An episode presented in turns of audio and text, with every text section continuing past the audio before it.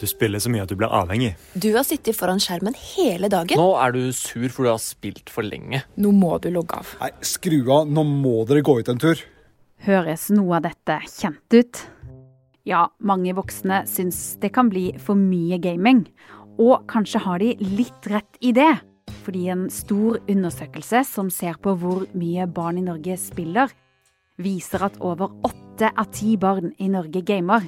Det betyr at nesten alle barn i Norge spiller. Men selv om det kanskje kan bli litt mye skjerm av og til, trenger ikke det å være noe dumt. Dette er Forklart juniors andre episode om hva som skjer i hjernen vår når vi gamer.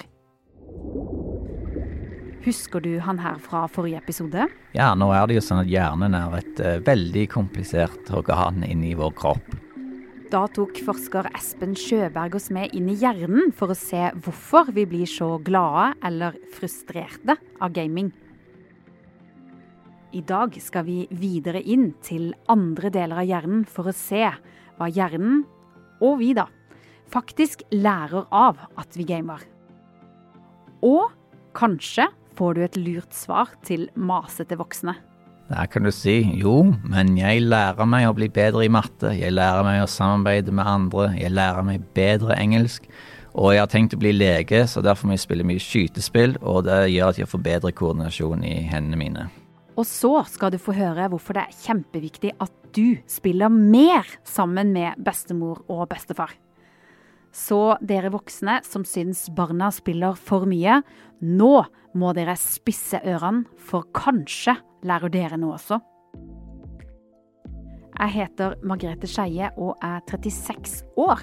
I tillegg til å lage Forklart junior, jobber jeg i Aftenposten Junior som journalist.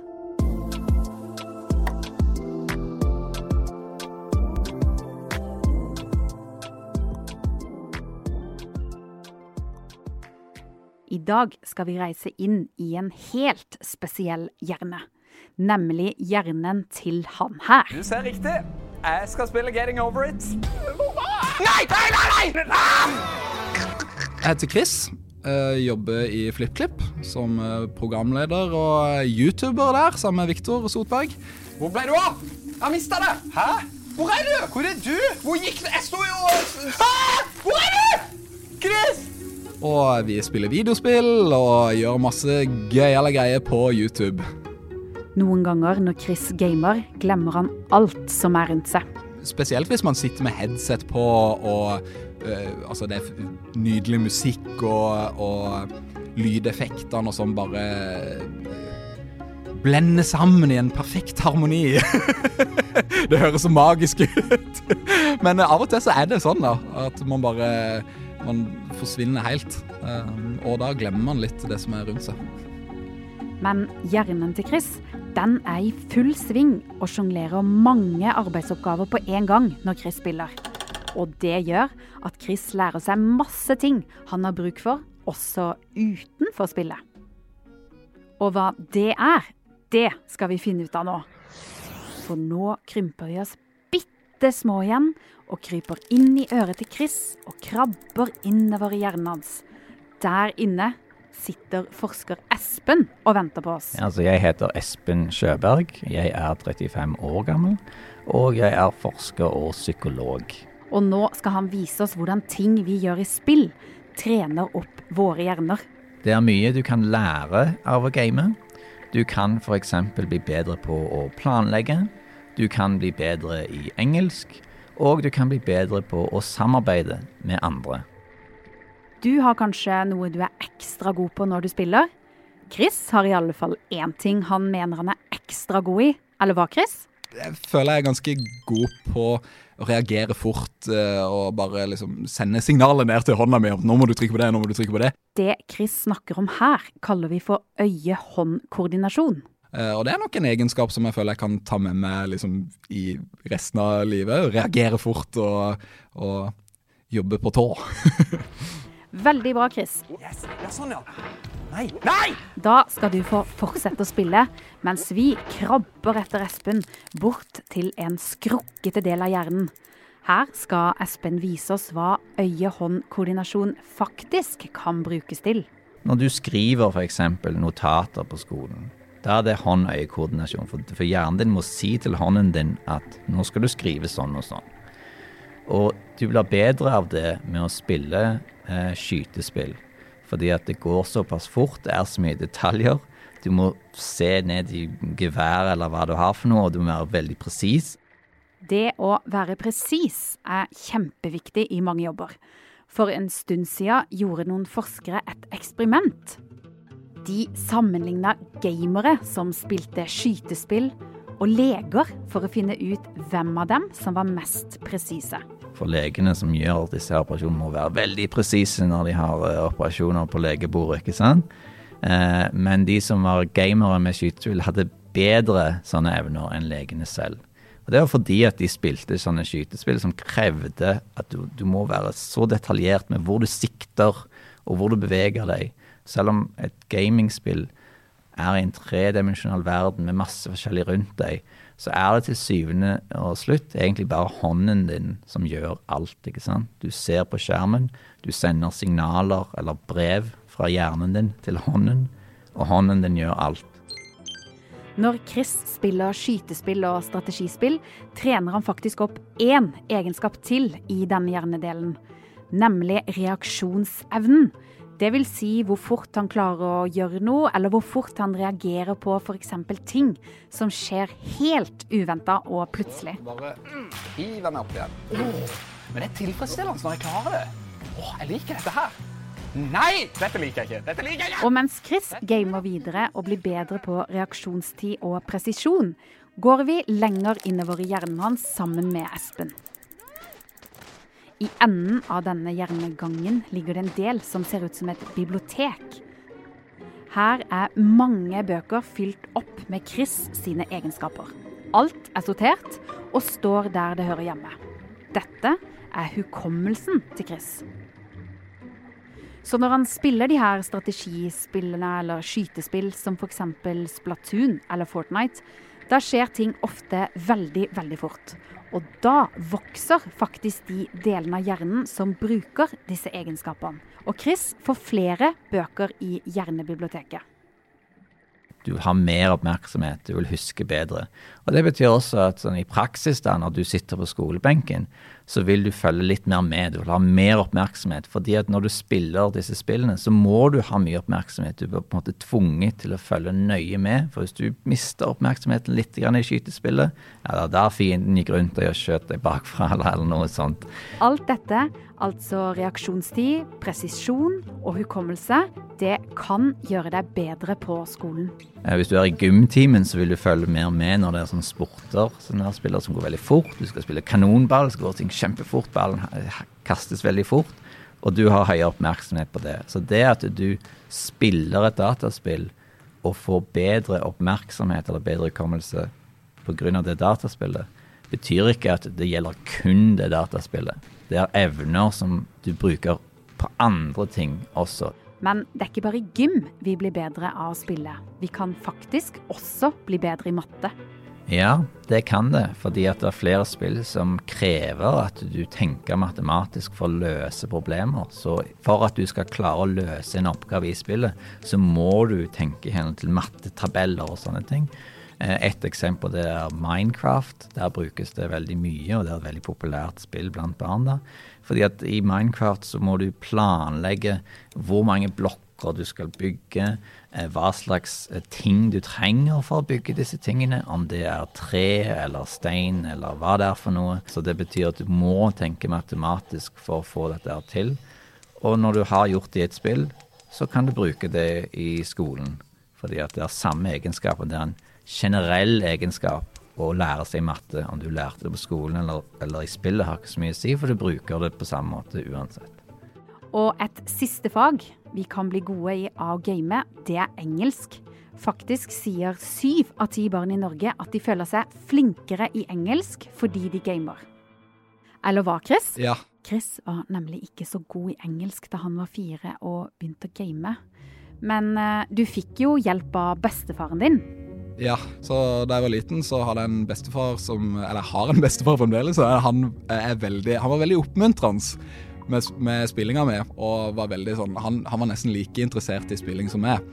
Og han eh, han satt på sida av meg med ordbok og oversatte uh, mens vi spilte. Jeg kunne ingenting engelsk da, og da forklarte han hva han sa, de sa i spillet. Her inni hjernen til Chris blir Espen plutselig skikkelig ivrig. Han kommer nemlig på noe veldig lurt når Chris snakker om sin bestefar. Noen forskere fant at uh, eldre personer som spilte dataspill, hadde en tendens til å leve lenger enn de som ikke spilte dataspill. Det Espen sa nå, betyr faktisk at eldre kan leve lenger når de gamer. Derfor bør vi invitere med bestemor eller bestefar på gamekveld. Nå som Chris er blitt stor og kan engelsk godt, trenger jo ikke bestefaren å oversette for han lenger. Men dere spiller jo fortsatt sammen.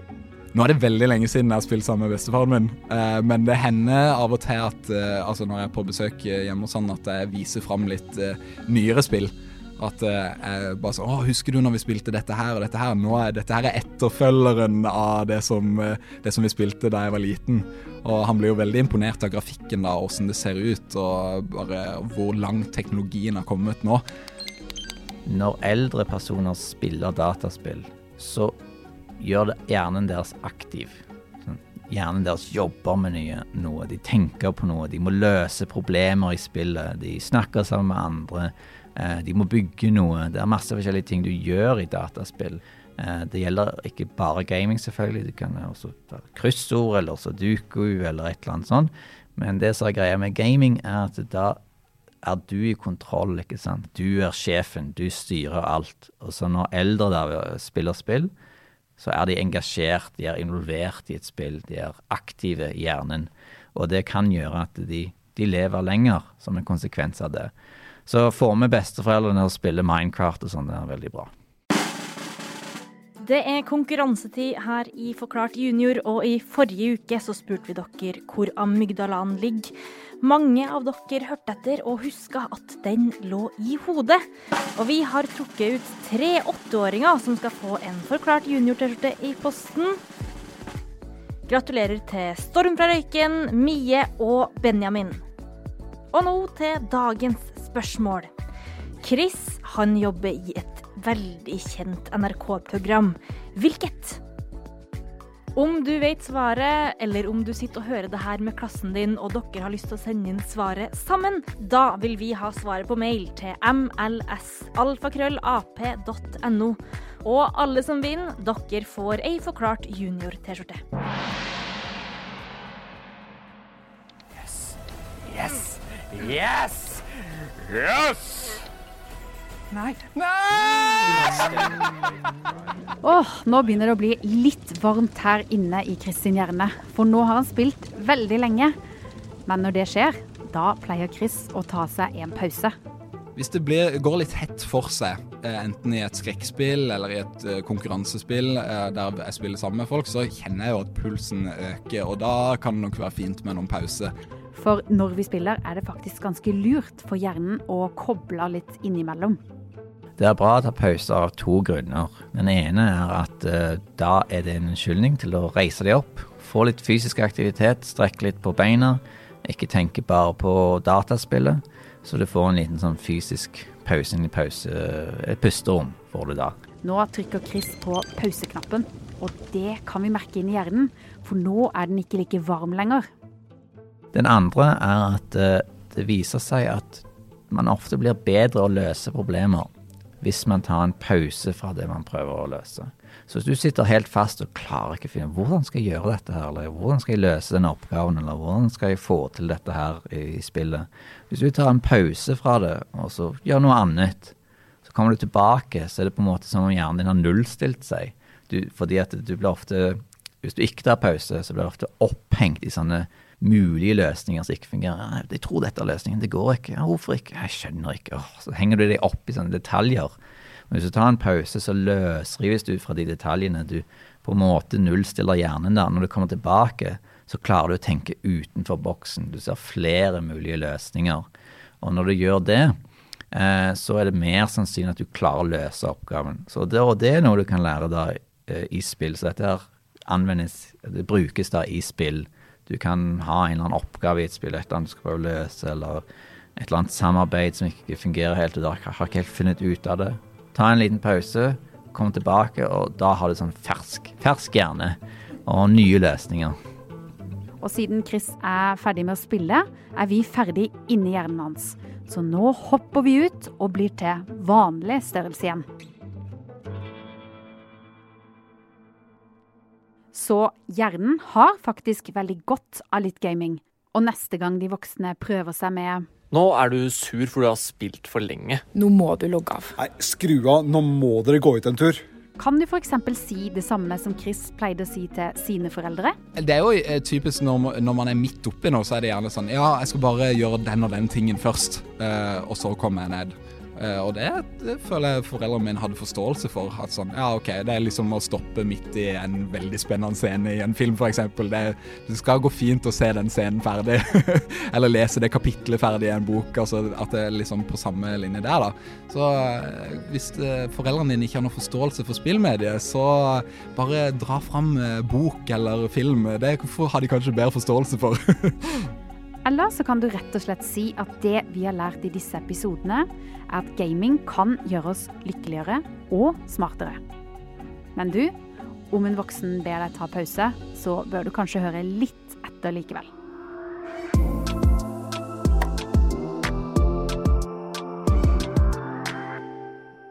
Nå tar Forklart juni seg en liten juleferie, men vi er tilbake til skolestart.